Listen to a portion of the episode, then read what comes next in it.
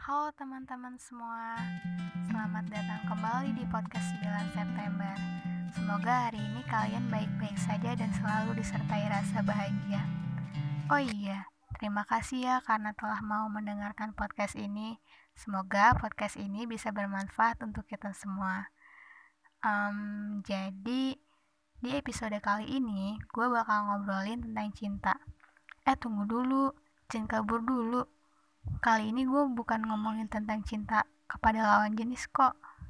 Bukan juga ngomongin cinta tentang keluarga.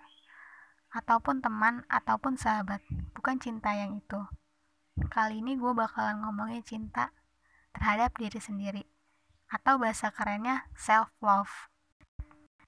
Belakangan ini emang banyak banget sih ya yang bahas tentang self-love.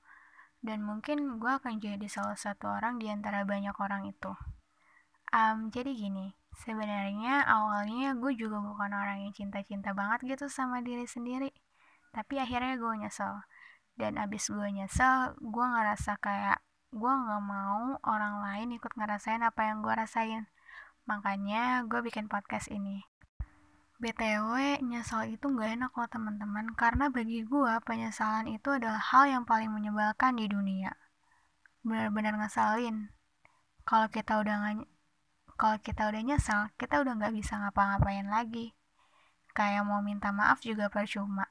Orang udah kejadian, mau balik lagi ke masa lalu, tapi kan kita nggak punya mesin waktu.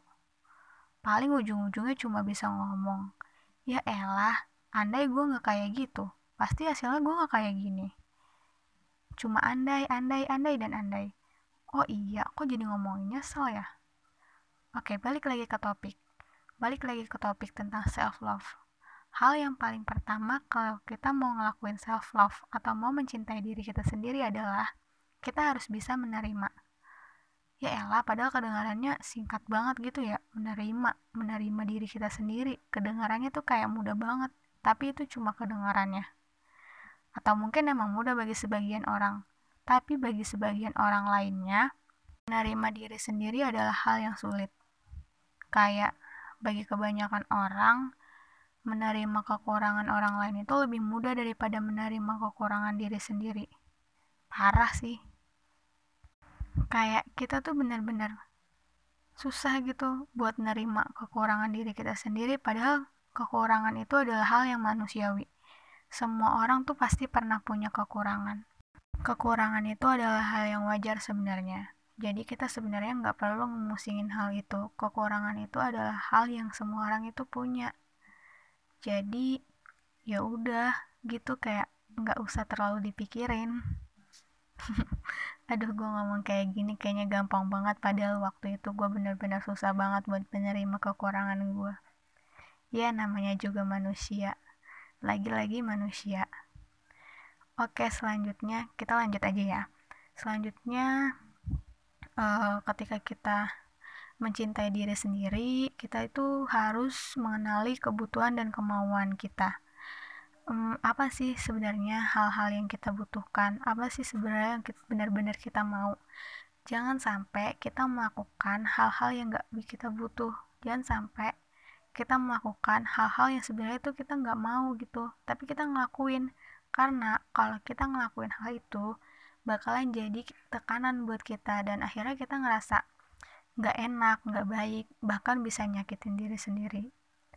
Kemudian uh, kita juga jangan lupa buat nanamin mindset ini.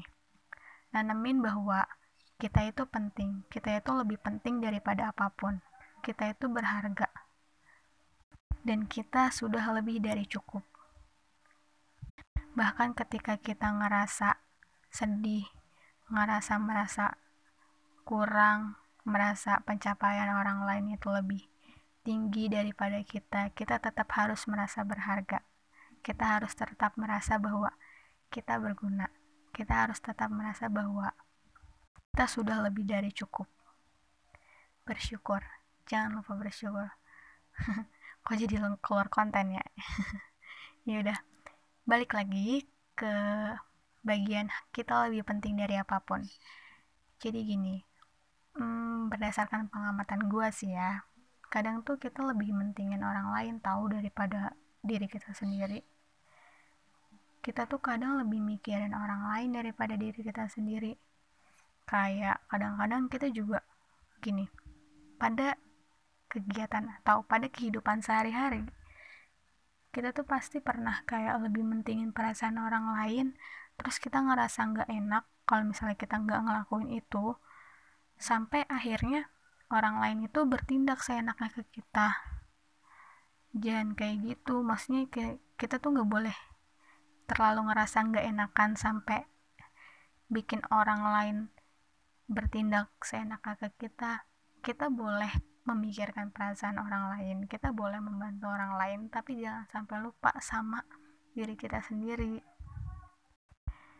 oh iya sebelumnya gue mau minta maaf kalau misalnya ada kata-kata gue yang kesannya mengajari atau menggurui. Gue nggak maksud ya gue cuma mau berbagi cerita aja sebenarnya. Uh, oke okay, kita lanjut ke poinnya selanjutnya. Uh, poin ini sih cukup penting ya karena ini adalah intinya mungkin poin yang harus digaris bawahi dan di bold tuh kalau perlu poin selanjutnya adalah self love not self harm oh iya sorry kalau bahasa Inggris gue jelek. Eh iya sebelum ngomongin self love not self harm kita harus menyamakan sudut pandang dulu nih. Self harm itu apa? Karena kalau misalnya ada di kepala kalian self harm itu adalah tentang darah mungkin bunuh diri uh, percobaan bunuh diri gitu nyelet-nyelet tangan nusuk-nusuk badan pakai benda tajam. Bagi gua self harm lebih dari itu. Uh, karena kalau kita memaknai lebih dalam lagi self harm itu ternyata uh, kayak dekat banget gitu sama kita. Kayak kita tuh sebenarnya sehari-hari sering ngelakuin self harm tapi semoga aja sih kalian enggak. Semoga aja gue juga enggak. Oh iya nih. Contohnya ya kayak merokok minum minuman keras itu juga termasuk self harm loh. Karena ya mungkin sekarang kalian baik-baik aja dengan rokok kalian dan minum minuman keras kalian itu. Tapi siapa yang tahu besok siapa yang tahu lusa atau mungkin tahun depan atau beberapa tahun kemudian iya gue sih bukannya mau mendoakan yang buruk-buruk cuma kan setiap hal pasti ada efeknya. Dan gue juga nggak mau melarang cuma kalau misalnya emang bisa dijauhin ya sebaiknya dijauhin. Oh iya kadang juga hal-hal kecil kayak sering telat makan jajan sembarangan sama makan makanan pedas atau makan junk food setiap hari itu juga tanpa sengaja nyakitin diri kita sendiri loh karena hal-hal itu bisa bikin kita sakit. Nah kalau kita udah tahu tentang hal-hal yang bikin kita sakit kita sebaiknya kayak menjauhin itu dong karena kalau kita cinta nih sama sesuatu kita pasti nggak mau kan sesuatu itu sakit. Itu juga sama kayak kalau kita cinta sama diri kita sendiri ya kita jangan bikin diri kita sendiri ini sakit oh iya ngomongin tentang penyesalan yang di awal tadi. Gue juga punya case nih yang sangkut pautnya sama self love not self harm ini. Karena gue merasa kayak ke mana-kemana tuh gue pernah self harm gitu. Uh, jadi gini gue langsung aja cerita ya ke case nya gue itu dulu pernah hidup dengan pola hidup yang mungkin berantakan. Gue itu pernah ngelakuin hal-hal yang gak penting terus kayak nyibukin diri sama hal-hal yang gak penting. Yang penting gue berada di di luar rumah yang penting gue sibuk tanpa gue mikir apa sih sebenarnya yang gue butuhkan dan yang gue inginkan. Yang penting gue sibuk aja intinya itu. Sampai akhirnya gue tuh merasa tertekan dan ya merasa sakit. Dan ternyata itu juga self harm ya lalu selanjutnya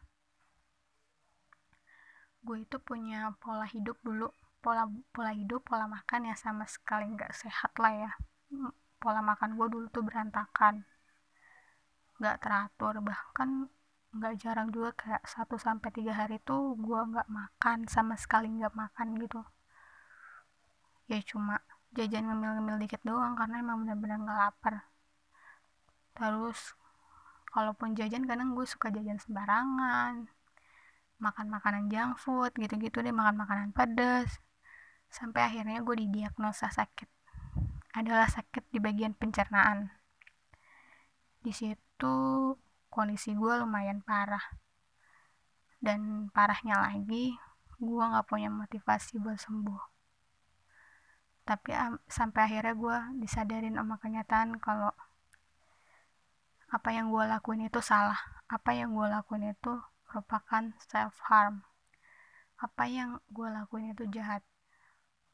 Jahat banget. Udah jahat sama diri sendiri bahkan jahat juga sama orang-orang yang sayang sama gue gue gak mikir sejauh itu waktu itu. Tapi pada akhirnya gue berada di titik di mana gue sadar bahwa apa yang gue lakuin itu salah. Dan gue menyesal. Miris banget ya ternyata gue udah jahat banget gitu sama diri gue sendiri. Dan sekarang mungkin gue cuma bisa minta maaf.